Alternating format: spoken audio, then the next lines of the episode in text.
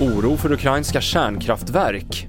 Campingplatser och gymnastiksalar kan behövas för flyktingar. Och Tegnell byter jobb. Det är rubrikerna i TV4-nyheterna.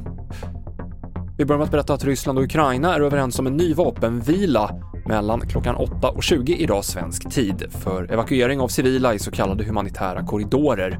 Det handlar om städer i nordöstra och sydöstra Ukraina och runt huvudstaden Kiev. Under tidigare evakueringsförsök har Ryssland, enligt Ukraina, fortsatt med beskjutning. Ryssland påstår sig ha tagit full kontroll över Europas största kärnkraftverk, Zaporizjzja i Ukraina.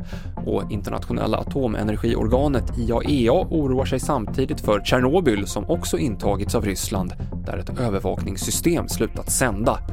Men vi i Sverige behöver inte vara så oroliga över det här, utan det är främst i närområdet som de stora riskerna finns, säger Peder Kock på Strålsäkerhetsmyndigheten. Riskerna eh, kopplat till kärnkraftsolyckor då är ju eh, generellt sett alltid störst i närområdet. Det är därför det finns beredskapszoner just kring kärnkraftverken. Om vi pratar möjlig påverkan på Sverige så är det ju på en annan nivå. Vi pratar inte utrymning, inomhusvistelse, jodtabletter, den typen av skyddsåtgärder utan vi pratar i värsta fall påverkan på livsmedelsproduktion. Migrationsverket hinner inte med att få fram boendeplatser till Ukraina-flyktingar. Därför behöver man nu använda kommunernas evakueringsplatser som campingplatser, skolor och gymnastiksalar, säger regeringen. I nuläget så förbereds det 30 000 boendeplatser i hela landet, men det kan ta några månader innan de är på plats.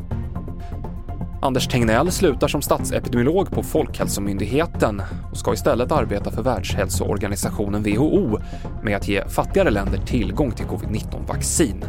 Så här säger Anders Tegnell om varför han byter jobb.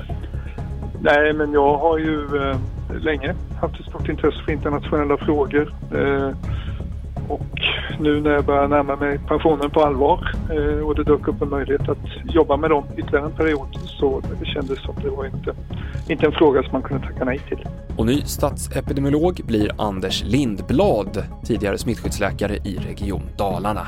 Fler nyheter hittar du i appen TV4 Nyheterna. Jag heter Mikael Klintevall.